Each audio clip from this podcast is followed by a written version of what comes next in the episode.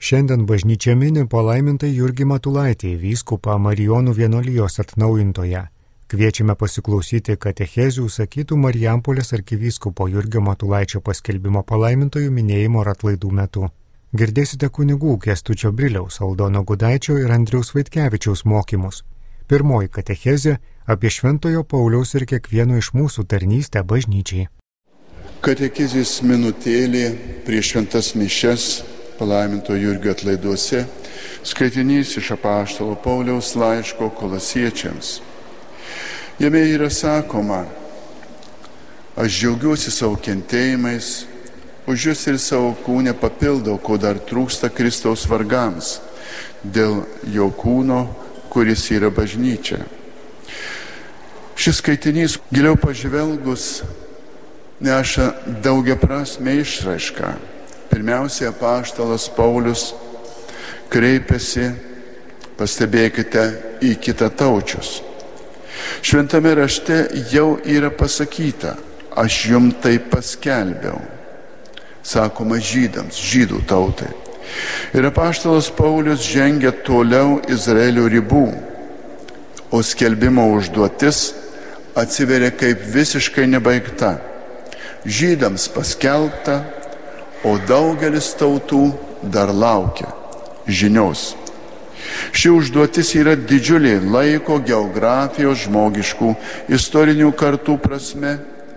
Jei atlikti, užbaigti, apaštalo Pauliaus išraiška sudarė dvi įdomias nuosakas. Vienaskaita - paskelbti Dievo žodį vienaskaita ir daugiskaita, kada sako paslėpta amžiams ir kartoms. Taip jisai įvardyja Dievo žodžio kaip paslapties slėpiningą didingumą, vientisumą ir priklausomybę vienam begaliniam Dievui, jo žodžiui ir jos laukiančią žmoniją. Toji Dievo žodžio, kuris buvo Dievoje ir kuris pats buvo Dievas, giluminė paslaptis, nepriepiamybė virsta Kristaus užduotimi. Būtent rūpeščių ją atskleisti tautoms ir kartoms. Šiuo atveju apaštalas Paulius jau peržengė Betlėjaus Golgotos įvykių patirtį ir kalba apie naują prisikėlusio kūrinį - bažnyčią. Nors dar paslaptingai, tikėjimo lygmenį, tai jau išreiškia kaip trūkstamus vargus dėl jo kūno, kuris yra bažnyčia. Taip Dievo žodis skirtas tautoms ir daugybei, įgauna kūną po Kristaus mirties prisikėlimo dangun žengimo. Žodis vėl įgauna kūną, kuris yra bažnyčia. Ir mes savo kūnu, ir mes savo darbais, ir mes savo laiku ir laikmečiu Vienydamisi žodyje, tikėjime, malonėje, tampame vienu kūnu, tampame bažnyčia. Ir jos galva lieka Kristus.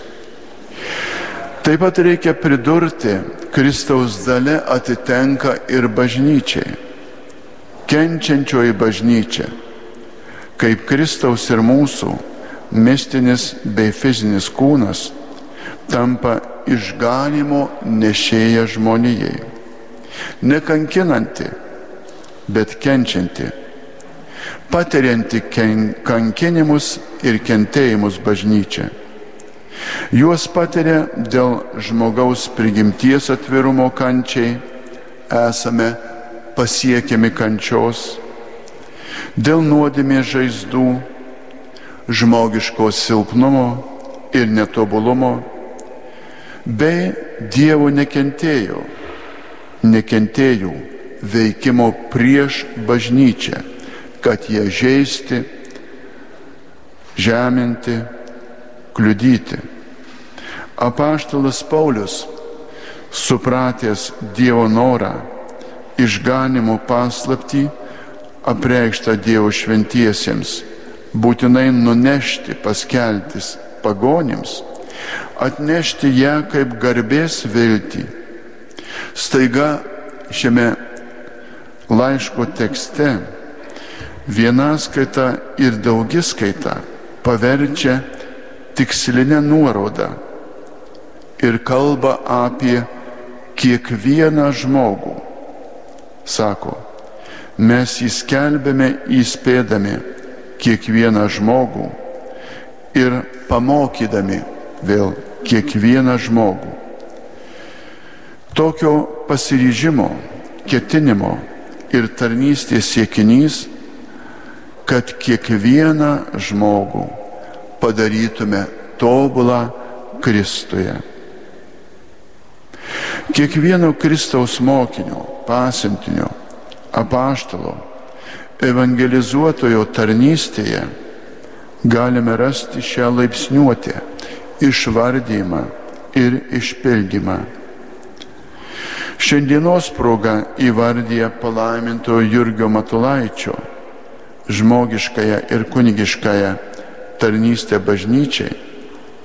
Taip pat matysime lyg apaštalo Pauliaus testamento išpildymą. Jis iš tikrųjų savo tikėjimo per krikštą įsikūniau bažnyčioje, įsijungė į ją. Jis savo evangelizacijos tarnystę vykdė nuo kukliausios asmeninės savojo silpnumo, menkumo aukos iki didvyriškiausio ir darbščiausio atsidavimo Dievo tautai ir bažnyčiai. Negalėtume sakyti tokio pavyzdžio, jei būtume matę tik jo mokslinės ar teologinės teorijas, sveiko gyvenimo būdo, virškimo ar kramtymo madingas užduotis, kurių tiek prikemšama puoselėjant savimylas dabartinėje visuomenėje. Ne. Jo laiškuose, jo raštuose mes matome nuorodas darbui, tarnystei, privalomam poilsiui, kūno jėgų būtinam palaikymui.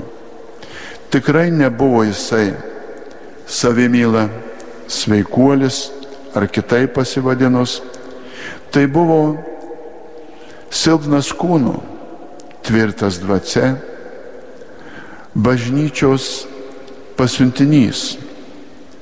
Čia pavartoti žodžiai, kuriuos šiandien girdėsite, apaštalai, ir yra būtent šiaja prasme Kristaus mokiniai, pasiuntiniai. Tęsti tą evangelizacijos užduotį. Ir šis švento rašto įžanginis tekstas iš švento apaštalo Pauliaus laiško kolosiečiams mums liudijas tą tarsi trumpą laipsniuotę, kelis laiptelius nuo Dievo žodžio gimimo, mirties, prisikėlimo, dangun žengimo, iki jo apsilankimo bažnyčioje, jos kūrimo, gimdymo ir jos siuntimo. Visa ši laipsniuoti pažymėta tuo, kuo pažymėtas kiekvieno žmogaus gyvenimas - kančia. Pažymėta kančia kentėjimu, auka pasiaukojimu ir darbu. Dievas meldžia darbininkų, jis neužsako kažkokių pramogautojų, linksmintojų, sėdėtojų ar liūdėtojų, jis prašo tėvą siūsti darbininkų, nes ši užduotis tikrai yra sunki. Taip kaip šiandien per keli žodžius mes peržengėme nuo žodis iki kiekvieną žmogų padaryti tobulą. Peržengėme nuo evangelizuoti prie pašventinti ir išganyti. Peržengėme iš laikino žemiško masto į amžinąją tikrovę tais keliais laipteliais.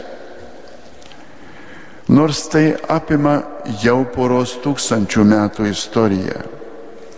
Šis kelių laiptelių žingsnis nuo kančioje gimstančio žmogaus iki amžinybė atbaigto Dievo kūrinio džiaugsme atitenka mums tiek, kiek gauname, kiek mums atitenka. Laikas, laiko dovana ir gyvenimas, gyvenimo dovana. Visa kita mes turime sukurti, padalinti, pasidalinti, sukurti bendrystę, sukurti visuomenę, sukurti šeimą gyvybei, sukurti susirinkimą, ekleziją, bažnyčią, tikėjimo bendruomenę.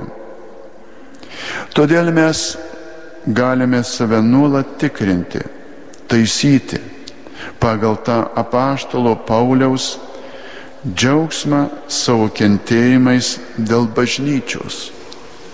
Žmogiška yra skūstis ar dėjoti, tačiau neišmintinga yra skūstis tiek, kad imtume kaltinti, skūstis tiek, įsijausti tiek, kad imtume pykti ar net nusivilti. Verčiau sustiprėti, verčiau pripažinti, kad net ir dabar, kada visiems madinga liudyti, skleisti savo skriaudas ar nukentėjimus, nuo valdžių, kaimynų, brolių, seserų, dar ko nors stichijos gamtos. Bet iš tikrųjų imkimės patiriamų sunkumų, kentėjimų, išgyvenimų dėka save ugdyti, brandinti ir grūdinti vis pilnesniai, kilnesniai tarnystės aukai dėl bažnyčios ir sielų šventumo. Amen. Girdėjote kunigo Kestučio Briliaus katechezę apie Šventojo Pauliaus ir kiekvieno iš mūsų tarnystę bažnyčiai. Toliau kviečiame klausytis kunigo Jėzuito Aldono Gudaičio mokymo apie palaimintojų Jurgio Matulaičio tarnavimą žmonėms. Sveiki susirinkę maldininkai į katechezę, šiek tiek prisiminus, ką palaimintas Jurgis žodžiu, ką jis sakė, ar kokį raštą parašė, bet kaip jis tai darė savo gyvenimą. E, Kristus sako, kad apie save, kad atėjau ne kad man tarnautų, bet pats tarnauti. Mums visus labai žavė tokie, tokie Jėzaus žodžiai. Jėzus Dievas tapę žmogumis, sako mums, atėjau ne kad jūs man tarnautumėt, bet kad aš jums patarnaučiau. Ir žinom, kaip viešpats Jėzus mums patarnauja. Mirė ant kryžiaus, prisikėlė, o kiekvienas, kai eina bedarė iš pažinties, vėl Kristus mums patarnauja, atleisdamas nuodėmės per kunigą. Toks buvo ir palaimintasis Jurgis Matulaitis. Jis savo tokiam vienam rašte, kalbėdamas apie šių dienų socialinius klausimus, tai jis kalba apie to meto socialinius klausimus, bet jeigu tą raštą jo paskaitytumėm, jis tiek daug tinka ir mūsų laikams. Ir kai palaimintasis Jurgis kalba apie tai, kaip žmonės turėtų tarnauti, kaip ta socialinė srity tai turėtų atrodyti viskas, jis irgi pirmiausia kreipia mintį į Kristų. Kad mes suprastume, kaip, kaip čia ta socialinės rytis turi veikti, reikia tų visokių įstatymų, bet palaimintasis Jurgis sako, mes pirmiausia mokomės to visokių tarnyščių iš Jėzaus Kristaus. Tokie jo yra žodžiai užrašyti šiek tiek to meto kalba. Ypatingų būdų ėjo Kristus pasaulio tvarkyti ir reformuoti. Jis nesustojo, nestojo kovon prieš viešpataujančias įstaigas, jis nei vieno jų negriovė ir net nepadavė jokio sustatyto iš anksto visuomenės atmainų sumanimo, bet jis daug daugiau padarė. Jis giliau siekė iki pat žmogaus dušios gelmės, iki jo širdies, iki sąžinės. Tai palaimintasis Jurgis kalba apie Jėzų Kristų. Jėzus nepaliko kokios nors konstitucijos, kaip turi būti įstatymai, tebe buvo tas dešimt Dievo įsakymų. Tačiau kaip Jėzus keitė pasaulį, tai yra, kad pats tarnavo, ėjo, kaip palaimintas Jurgis sako, ėjo iki pat žmogaus dušios gelmės, iki jo širdies ir sąžinės. Ir toliau savo rašte palaimintasis Jurgis Matulaitis sako, kad daug svarbiau ne kokie įstatymai jų irgi reikia, jų irgi reikia, bet, bet daug svarbiau yra žmogaus nuoširdumas, asmeninis pavyzdys, kaip jis tarnauja. Kaip minėjau, arba jūs žinot, kad šiandien melžiamės už tuos žmonės, kurie visuomenėje tarnauja.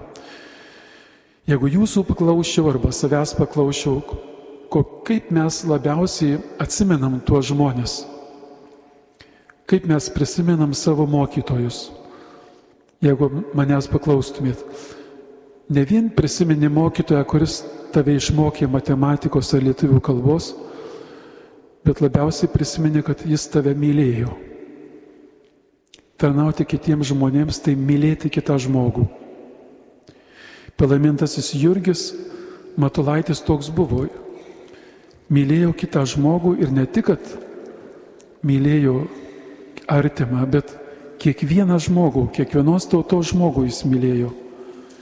Jūs žinot, kaip Jonas Paulius Antrasis, kai skelbė palaimintuoju irgi Matulaitį, jis taip pasakė apie palaimintą Jurgį Matulaitį. Jurgis Matulaitis turėjo Dievo širdį. Palaimintasis Jurgis Matulaitis turėjo Dievo širdį. Meldžiamės už tuos žmonės tarnaujančius kitiems žmonėms ir kokių malonių galime jiems prašyti. Vienos malonės mes tikrai prašykime, kad žmonės, kurie dirba ar mokyklose, ar tie mūsų policininkai, kurie saugo, ar tie, kurie važiuoja gaisrų gesinti, prašykime, kad jie dirbtų iš pašaukimo. Mes įpratę sakyti, melžymės už pašaukimus, nu taip, kad kunigų, kunigų būtų, kad vienuolių būtų, kad seserų būtų. Bet turbūt sustiksite, kad būti geru mokytoju, būti geru ugnegesiu, geru policininku irgi yra pašaukimas. Būti geru tėčiu yra pašaukimas. Būti gera motina. Ir mes jie užaugam nebūtinai, kad tą pašaukimą įsiugdė. Todėl šiandien, kai melžiamės už tos žmonės, kurie tarnauja prašykime Dievą, kad, kad jie turėtų pašaukimą, arba jeigu jo neturi, kad jį atrastų, kad eidami į tarnystę eitų su džiaugsmu. Meldžiamės už tuos, kurie tarnauja. O toks pavyzdėlis - autobuso vairuotojas, kuris važiuoja, jis gali žiūrėti tik tai laiko, kad nevėluotų, Bet nekartą vieną kitą vairuotoją mačiau, kuris važiuoja, sustoja autobusas ir dar per savo veidrodėlį pasižiūri, ar visi suspėjo, ar dar kas nors netlekė. Ypač kaime kartais tokį vairuotoją sutinki kaip kokį šventąjį. Sėdi, jau penkios minutės turi važiuoti, bet mato, kaip močiutė klibekščiuoja su lasdėle ir laukia, kantriai. Ir dar kai įlipa į autobusą neišbara, o paklausė, kaip šiandien miegojai. Ir mes sakom, dirba vairuotojas, kuris turi pašaukimą būti vairuotoju. Labai labai linkiu Jums maldininkai ir savo šiandien kaip kunigas. Visiems tiems, kurie tarnauja visuomeniai. Prašykime, kad jie tai darytų su pašaukimo džiaugsmu. Kad jie ateina netlikti tik kokios pareigos ar taisyklės, bet tai darė, daro su meilė žmogui. Dėkojime už tokius žmonės, kuriuos mes sutikom. Kas padeda tarnauti iš pašaukimo, tai tarnauju žmonėms ne vien dėl to, kad, kad taip reikia arba taip pašauktas, bet mes, krikščionys, sakome kiekviename žmoguje, ir tai mokėjo palaimintasis Jurgis Matulaitis, matyti Dievo atvaizdą. Jūs šitokie pamaldų žmonės, kai atsikeliat ryte, tikrai tikiu, kad jūs persižegnojat. Sakot, vardan Dievo tėvo, sakot, sakot tikrai taip. Ar, ar užmirštat? Nu, manau, kad jau žypročio atsimenat. Mes dieną pradedam vardan Dievo tėvo. Kai einam mylėti žmonės, kai einam pas juos, eikime ne vien dėl jų, bet vardan Dievo einame. Dievas taip nori, kad mes kitiems žmonėms tarnautume. Einam dėl kitų ne dėl to, kad jie mums patinka ar nepatinka, bet vardan Dievo. Ir šioje vietoje, jeigu mes tarnausim vardan Dievo žmogui, tai ir tada, kai tau nieks nepadėkos arba užmirš padėkoti, ir tuomet tu turėsi džiaugsmo, nes dariau dėl Dievo. Mums reikia visiems tarnautojams atlyginimų, kad gyventume Bet krikščioniška prasme pirmiausia einam tarnauti vardan Dievo žmonėms.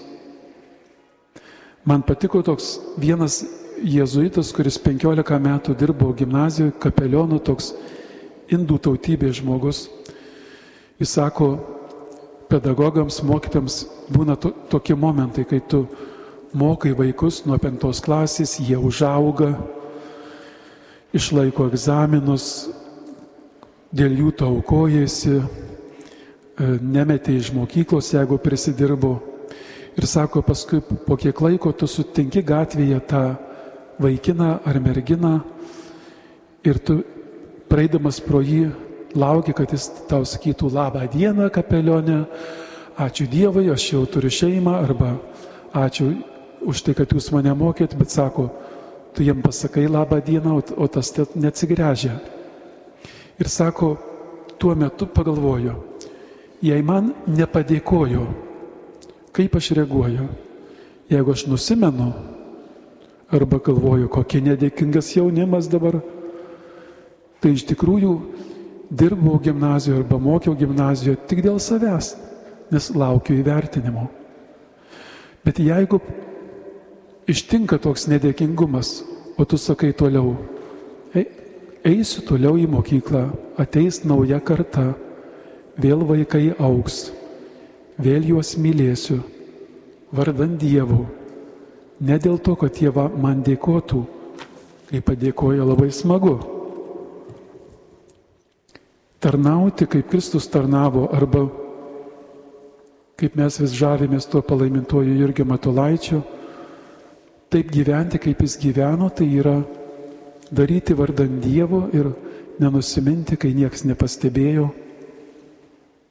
Ir kaip šis kapelionas sako, su džiaugsmu kitą dieną vėl eiti naujai kartai tarnauti, kuri augs, kuri lauks tavo meilės. Tokios malonės, kad tarnaujantys žmonėms jeigu neturi pašaukimo, kad jie atrastų, kad tai darytų su džiaugsmu, kad ir mes kiekvienas, kurie kur nors visuomenėje tarnaujame, darytume pirmiausia vardan Dievo, dėl to, kad kiekviename žmoguje yra Dievo atvaizdas. Amen. Vardan Dievo, Tėvo ir Sūnaus ir Šventosios dvasios. Girdėjote kunigo jėzuito Aldono Gudaičio mokymą apie palaiminto Jurgio Matulaičio tarnavimą žmonėms. Paskutinėje katechezėje kunigas daktaras Andrius Vaitkevičius kalbės apie aktualijas šiandienos šeimose. Mėly broliai seserys, noriu pakviesti pamastyti apie gyvenimo šeimoje klausimų aktualijas, ne tik atskiruose šeimose, bet ir apie mūsų visuomenėje e, vykstančius procesus pakalbėti. Motina Teresė yra sakiusi šitaip, kad pasaulio karas ir taika prasideda šeimoje. Iš tikro, ne tik žmogiškosios brandos lopšys yra trejybinis santykis tarp tėvo, mamos ir vaiko, tačiau ir holistinė prasme, kalbant apie žmogų kaip psichosocialinę ir dvasinę būtybę, apriepiančią taip pat ir pačią žmogaus prigimti buvimo žmogumi esmę. Ir viso to pagrindas yra žmogiškoji šeima. Mūsų šeimos, kuriuose gimstame, kuriuose augame, kuriuose įgauname gebėjimų ne tik reikalingų busimam profesiniam gyvenimui, tačiau, kas dar svarbiau, įgyjame gebėjimų bendrauti vieni su kitais, išmokstame gerbti vieni kitus, socializuotis, laikytis bendrų taisyklių, gerbti arba ignoruoti autoritetus, ginti mums brangius žmonės arba jų neapkesti. Visko išmokstame, mėlyjeji, šeimoje ir remiantis to šeiminio santykio pagrindu, jau toliau keliaudami per savo asmeninio gyvenimo patirtį, savo pasirinkimais ir sprendimais, turtiname arba skurdiname savo santykius su kitais, su šeimos nariais, o taipogi ir su savimi pačiais. Šiandien įprasta sakyti, jog šeima kaip institutas, kaip institucija išgyvena krizę ir galime netgi mes krikščionis pasijusti įsibauginę, kada keliame savo klausimą, ar tikrai jau čia pas mus vakarų civilizacija paremtame pasaulyje išgyvename šeimos santykiai ir šeimos kaip institucijos, instituto tiek civilinė, tiek religinė prasme saulėlydį. Ir kada mažėja norinčių įsipareigoti, prisimti santokinius pažadus skaičius, gal iš tikrųjų matydami tokią situaciją galime kalbėti apie šeimos tokios, kokia mums buvo įprasta ir tokios, kokią buvome įpratę kurti saulėlydį. Gal tikrai tai yra savotiška pabaigos pradžia. Nors, kaip yra sakęs vienas iš mano profesorius, dar studijuojant popiežiškajame Laterano universitete Romoje, kol egzistuoja nors viena šeima, tol egzistuos ir mūsųse įprastai vadinamas tradicinės šeimos modelis. Nors dažniausiai man sunku suvokti, kągi turi mintyje šių laikų apologetai, kada vartoja savoką tradicinės šeimos modelis. Lietuvoje, beje, jeigu panarplėtume įvairiausius civilinius įstatymus bei poįstatyminius aktus, pamatytume, jog egzistuoja virš 30 įvairiausių būdų, kurie apibūdina, kas yra šeima. Tad sakyčiau, labai logiška pasiekmė, jog tokioje terpėje gyvendami mes ir patys vis sunkiau gebame pasakyti, kągi reiškia šeima. Žmonės, tauta pasimetusi, o valstybei negebant priimti prigimtinių santykių grįsto žmogaus apibrėžimo, vis labiau esame stumiami už teisinio nihilizmo ribos, vis labiau esame gramzdinami į tą suvokimo užribį, kuriame prarandame tiesą apie save pačius. Vis daugiau žmonių turėtų gilintis į šeimos suvokimą ir tuo brandžiu suvokimu grįstų, grįsti savuosius pasirinkimus nes čia slypi pasaulio karas ir taika. Kitas dalykas, kuris labai neramina mus mastant apie šeimos klausimus, bandymas primesti standartizuotą mąstymą ir terminologiją, kurie mus krikščionis išstumia į atsilikėlių gretas, nors praktiškai vyksta atvirkštinis procesas. Mums prikaiščiojama, kad mes krikščionis nemodernus ir esame atsilikę šeimos kūrimo klausimu Bet štai trumpai noriu pristatyti vieno antropologo padarytą studiją, kurią jis padarė metinėje Lietuvos šeimos centrų organizuojamoje konferencijoje skirtoje šeimų centrų darbuotojams ir savanoriams. Šis mokslininkas darė daug amžių apimantį antropologinį tyrimą, apimantį ir antikinius laikus, kuriame analizuoja šeimos sudarimo klausimus. Ir paradoksas. Įsivaizduojate, kada žvelgiame matydami tokį platų paveikslą, matome kad helenistinėje kultūroje, romėniškojo kultūroje, kitose antikinėse pagoniškose kultūrose buvo paplitę įvairios gyvenimo šeimoje formos, įvairūs konkubinatai, gyvenimai nesusituokus ir daugelis dar kitų formų. Ir šis pranešėjas uždavė klausimą, kaip Jūs manote, kokia yra pati moderniausia gyvenimo forma mūsų laikais?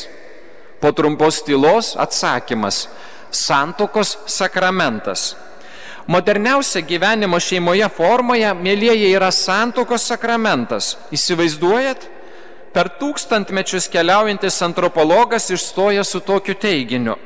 Juk santokos sakramentas tai visiška naujovė, visiškai naujas būdas gyventi šeimoje, įmant pasauliniu mastu, analizuojant visų civilizacijų istoriją nei vienas kitas konkubinato ar bandymo gyventi šeimoje, ar labiau norėtųsi šį reiškinį tiksliau įvardinti, tarsi šeimoje. Būdas negali pasiūlyti tokių nuoširdžių, meilė ir pasitikėjimų gristų, nuolat save vienas kitam dovanojančių santykių. Ši naujovė pralenkia bet kokį materialinį ar seksualinį su libido susijusi pragmatizmą. Ir kokioje vietoje tada atsiduria tie, kurie kovoja už kitokias gyvenimo šeimoje formas, kada suvokiame, kad šis bandymas prisidengiant įvairiausiomis lygiomis galimybėmis ir visų teisėmis daryti, ką nori ir kaip nori, yra nekas kita, kaip tik nevykęs bandymas grįžti į gerokai primityvesnės kultūras, į gerokai skurdesnės gyvenimo šeimoje formas. Argi tai nėra bandymas regresuoti, eiti atgal? žinoma. Dažnai bažnyčiai prikaišėjama, jog jie yra patriarchalinio gyvenimo šeimoje modelio atstovė. Ir šia prasme gyvenimas santokos sakramente pristatomas kaip būtent tokio patriarchalinio modelio reliktas. Tačiau, jeigu tai būtų tiesa, kai bažnyčia suvokia santokos sakramentą, turėčiau sutikti su tokia kritikų nuomonė. Juk dažnai patriarchalinis šeimos modelis buvo grindžiamas tėvo kaip valdovo, įsakinėjančio tirono, nešvelnaus, nesirūpinančio vaikų auklėjimu, nekreipiančio dėmesio į santykius, na to, tokia net savotiška vergovė. Tėvas tik skiria dėmesio materialiniai šeimos geroviai, o daugiau jau motinos darbas laikyti visą namų ruošos ir auklėjimo naštą. Dėmesio, Bažnyčia niekada nebuvo ir nebus už tokią gyvenimo šeimoje modelio palaikymą. Ta teisinga sugretinti santokos sakramentą ir, ir patriarchalinį gyvenimo šeimoje modelį kaip dvi skirtingas tikrovės. Juk santokos sakramentas tai dalyvavimas Dievo kuriamajame veiksme, tai save dovanojanti meilė, tai kūryba, tai pasidalinimas darbais ir atsakomybėmis tai besvarstant tikrai gali pasirodyti, jog šita šeiminio santykio permastimo krizė, būdinga ypač vakarų civilizacijos valstybėms, galbūt netgi paties Dievo norėta. Kad žmogus, kad žmonija pagaliau neregresuotų prie antikinių ir netobulų bandymų kurti šeimas pagristas prokreaciniais, materialiais ar kitais aspektais, bet kad pagaliau atrastume tai, ko visi trokštame - gyvenimo meilę, save dovanojant kitam, gilinantis vienam į kitą, priimant kitą kaip Dievo dovaną. Ir štai, 2000 metų ėjome link tokio suvokimo, kad dabar permainų metas, dabar proga padovanoti žmonėms didesnę laimę. Kviečiu pamastyti, Ar tikrai nepasiduodu toms mintims, kurios mane skatina regresuoti ir degraduoti gyvenimo šeimoje klausimu, santokos sakramento klausimu?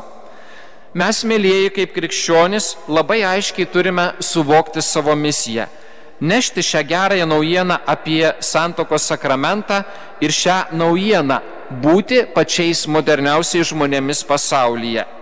O tuo labiau, kad tai yra mūsų kasdienybė liečiantis klausimas.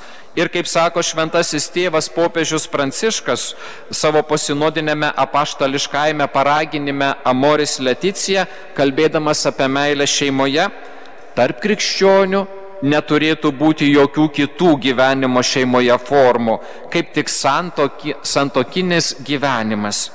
Nes krikščionis yra paženklintas Kristaus artumo ženklu per Krikšto sakramentą ir būtent dėl šios meilės Dievui jis neturėtų ieškoti kitokių formų atitolinančių jį nuo Kristaus, nuo trejybės. Nėra darnios šeimos, kyla problemos nedarnioje šeimoje augdami neišmokstame kasdienėme gyvenime tai būtinų meilės ir atlaidumo, įsiklausimo principų, kurie galėtų ir turi tarnauti kaip pagrindiniai įrankiai, norint išmokti vis labiau save dovanoti su tuoktiniui ir kitiems šeimos nariams. Ką darome, kada supykstame? Įsivaizduokime paprastą kasdienišką situaciją. Jeigu kas nors mus užgauna ir pasako mums grubių užgaunančių žodžių, kokia dažniausiai mūsų reakcija? Tokie patys grubus ir užgaunantys žodžiai. Ir čia prisimename, prisimename Senojo testamento taisyklę - akis už akį ir dantis už dantį. Kad ir kaip keista. Tačiau vis dar mums krikščionėms sunkiai sekasi nugalėti šį Senojo testamento principą - akis už akį ir dantis už dantį. Nes visos aplinkinės tautos senovėje gyveno pagal keršto įstatymą, akis, e, kad jeigu tu patyrei skriaudą, turi teisę atsilyginti netgi mirtimi nubausdamas kitą žmogų. Ir štai ultramoderni naujovė, kada Dievas sako, tu gali atsilyginti tik tiek, kiek pats skriaudos patyrei. Taigi principas akis už akį, dantis už dantį yra pakankamai modernus Senajame testamente lyginant su kitų tautų patirtimi. Keršto įstatymas galioja kitose e, tautose. Taigi Dievas įsikiša į istoriją ir štai Kristus ateidamas į pasaulį sakė, kad jeigu tau kažkas sudavė per vieną žandą, atsuk ir kitą. Jeigu kas nors tave verčia nueiti su juo mylę, nueik su juo dvi absoliučios meilės įstatymas, kuris šokiravo tuometinį žmogų, kuris ir šiandieninį žmogų postmoderniosios visuomenės narį šokiruoja, nes vis dar norime gyventi pagal akis už akį ir dantis už dantį. Grįžkime prie konfliktinės situacijos analizės, kurie ką tik minėjome. Jeigu kas nors mus užgauna ir pasako mums grubių užgaunančių žodžių, jeigu atsakome tokiu pačiu būdu, įsiplėskia konfliktas ir pabaiga aiški, bloga pabaiga. Tačiau jeigu įsivaizduokime, kas nors mūsų užgauna, o mes tiesiog su šypsena praleidžiame tuos žodžius ir dėl Dievo meilės susilaikydami nukenčiame šią nuoskaudą. Kas tada? Dievo stebuklas. Nėra konflikto. Ramybė namuose ir širdyje. Šioje akimirkoje suvokiu, kad didžiulė Dievo dovana blogą atmokėti gerumu, kaip mokė Kristus. Nes būtent taip esu išlaisvinamas iš blogio, kurio autoriumi pats galiu tapti. Ir didžiulė laimė. Išvengiau konflikto. Surodos tiek mažai pastangų. Santykio mokykla, santykio kalvė, kur aš pats, tarsi karšta geležis ant priekalo, formuojamas savo pastangomis. Ir žinoma, Dievo malonė. Mėlyjeji, mums tikrai aišku, kad kiekvienas žmogus ir kiekviena šeima išgyvena įvairiausių sunkumų kasdien. O jeigu naudotumės vieno iš garsiausių praeito amžiaus edukologų Eriko Eriksono Harvardo universiteto profesoriaus, psichologo ir psichoterapeuto žmogiškosios raidos ir brandos teoriją, suvoktume, kad kiekvienas žmogaus daromas pasirinkimas yra savotiška krizė.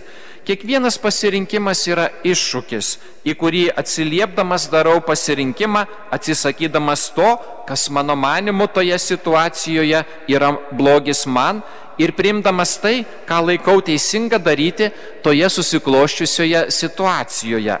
Taigi pagal Eriksono mėlyjei žmogus gyvena eidamas per savotiškus vidinių krizių momentus o priimti sprendimai jį formuoja kaip žmogų ir keičia ne tik jo socialinį būvį, tačiau ir jo vidinį pasaulį, jo suvokimą apie save patį, apie kitus, jį supančius žmonės. Kad išspręsti susikloščiusias krizės, sunkumus, žmogus turi žinoti tikslą, kur jis eina, kas yra jo siekiamybė, kas jam teikia jėgų viltingai žvelgti į ateitį, nepaisant pasitaikiančių sunkumų. Yra visokiausių modelių, kuriais bandoma padėti žmogui. Tačiau mums krikščionėms aiškumo duoda suvokimas, kad laimingo žmogaus ir laimingos šeimos receptas slypi žmogiškosios prigimties suvokime, tokios, kokią Dievas yra sukūręs ir kurią pažinus žmogus supranta buvimo žmogumi laimę ir gyvenimo šeimoje džiaugsmą. Be galo prasmingas popiežiaus pranciškaus raginimas melstis trokštant, kad šiandienos šeimos sulauktų pagalbos grįstos meilę, pagarbą ir patarimu tos pagalbos, kurie ateina visų pirma per savęs pažinimą, siekiant savęs pažinimo bendruomenėse, studijose, maldos ar savipagalbos ar palaikymo grupėse. Ir žinoma, visa pradedant nuo biblinio suvokimo, jog šeima Dievo įsteigta, sukuriant vyrą ir moterį, yra kasdienio gyvenimo pamatas. Ji yra Dievo dovanojama bendrystės, meilės, pagarbos lopšys ir priešingai, jeigu šeimose vyksta negeri dalykai, destruktyvūs procesai, žmogaus gyvenimas greunamas, šeimoje įgytos blogosios patirtis lydi žmogų visą gyvenimą, kaip ir lygiai gerosios patirtis įlydi visą gyvenimą. O svarbiausia, kad gerai arba blogai koduojama žmogaus pasąmonė kuri kontroliuoja žmogaus veiksmus, ypač kritinėse ir sunkių apsisprendimų reikalaujančiose situacijose.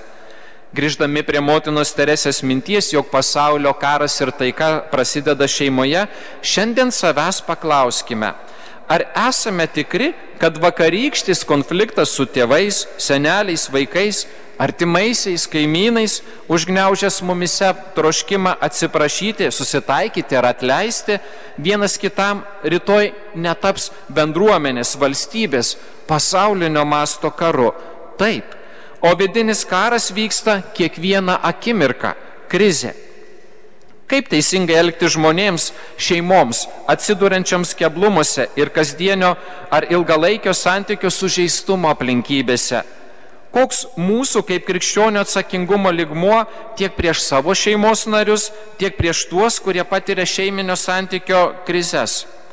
Norisi remtis Šventojo tėvo Pranciškaus e, e, Amoris Leticija dokumentu ir išvalgomis, kviečiančiomis mums, mus atkreipti dėmesį į esminius pagalbos šeimoms elementus Popiežius kaip vieną iš esminių momentų įvardyja nebėgimą nuo iššūkių ir nesislėpimą nuo sunkumų. Ir sutoktiniai, kurie drąsiai žvelgia sunkumams į akis, yra panašus į subrandintą sužadėtuvių vyną, kuris nusistovėjęs, įsisamonintas, subrandintas kasdienos staigmenų, atrandamų diena iš dienos, metai iš metų. Kaip mokė kryžiaus Jonas, seniai vienas kitą mylintis yra išmėginti ir išbandyti. Mėlyjeji, kiekviena krizė mokina naujai pažvelgti į susikloščiusią situaciją bei atrasti naują santokinės patirties prasme. Kiekvienas išbandymas kaip proga siekti O ar mes girdime, ką pasaulis šiandien diktuoja, kviesdamas lengvai ir greitai skirtis ir kviesdamas bėgti nuo problemų, kviesdamas likti paviršutiniškais ir netrokštančiais bręsti santykyje, kviesdamas pasitenkinti to jaunu ir nebrandžiu vinu, kuris daug prastesnis už brandintą ir praturtintą sodriais skoniais. Bet šį apmąstymą katechezės apie šeimą metu tęsėme ne dėl to, jog norime pasakyti, jog visas pasaulis yra blogas, tačiau labai aiškiai suvokdami, kad pasaulis, konkretus žmonės nesuvokia, kad jų laukia daug geresnis variantas, kad jų laukia meilė nutyrinta ir išbandyta, kuri padaro tave laimingu. Čia mums, katalikams, tampa akivaizdu, kad su toktinius reikia lydėti, kad jie gebėtų sutikti pasit taikyti kančias krizės, pasitikti, imtųsi iššūkių ir suvoktų, jog tai yra kasdienio šeimos gyvenimo dalis. Ir kas dar be galo svarbu, kad nerandant sprendimo, jie nėra vieni. Visada ras padėti norinčią bendruomenę, šeimų centrus, parapijų kunigus, klebonus, o svarbiausia - patiminio santykio autorių Dievą. Be galo svarbus bendruomenės vaidmuo palydint mažiau patyrusias poras, kurios dalindamosis savo patirtimi galintų suvokti, jo krizės neturi gazdinti ir kad krizės akivaizdoje nereikia priimti skubotų sprendimų, vedančių į dar gilesnius šeiminius santykius sužeistumus arba kraštutiniu atveju visišką šeiminio santykio subirėjimą. Mėlyjeji, kiekvienoje krizėje glūdi geroji žinia, kurią reikia mokėti išgirsti, įsiklausant į savo širdį ir į viešpatie širdį. Mėlyjeji, dalyvaujame palaimintojo Jurgio Matulaičio atlaiduose, kuris be galo rūpinosi šeimomis, be galo rūpinosi vyrais ir moterimis, kad jie gyventų autentišką tikrą gyvenimą. Tačiuose mišiuose mes prisilieskime prie to autentiško gyvenimo, kuris kyla iš susitikimo su mus mylinčiu gailestingoju Jėzumi Kristumi, kad jis Melskime, kad jis perkeistų mūsų šeimas ir kad mes nebijotume per krizės, per įvairiausias patiriamas šeiminio, kasdienio gyvenimo krizės aukti ir tobulėti. Garbė Jėzui Kristui. Girdėjote kunigų Kestučio Briliaus Aldono Gudaičio ir Andriaus Vaitkevičiaus katechezės, sakytas Marijampolės arkivyskupo Jurgio Matulaičio paskelbimo palaimintojų minėjimo ir atlaidų metu.